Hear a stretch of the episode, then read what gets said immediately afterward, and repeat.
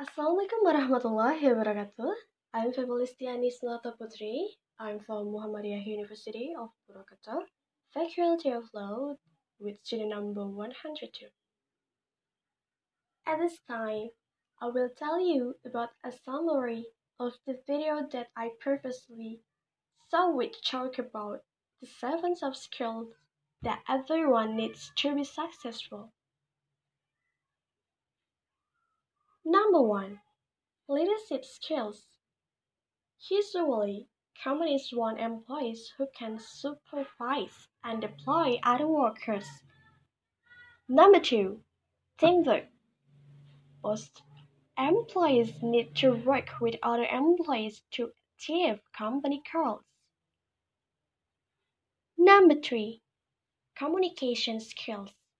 Employees can communicate with verbal and nonverbal language, as well as visual communication and active listening.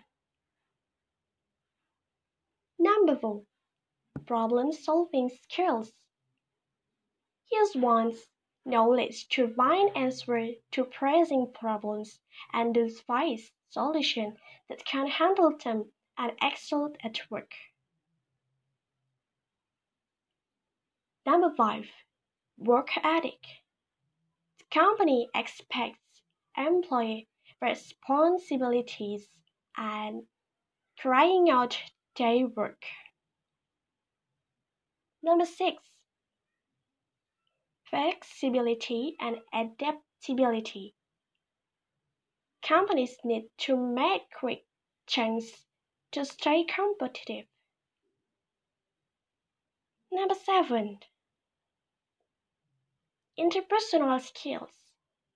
This can be done by taking online soft skills courses to develop emotional intelligence, which will make employees more valuable and will increase the chance of success.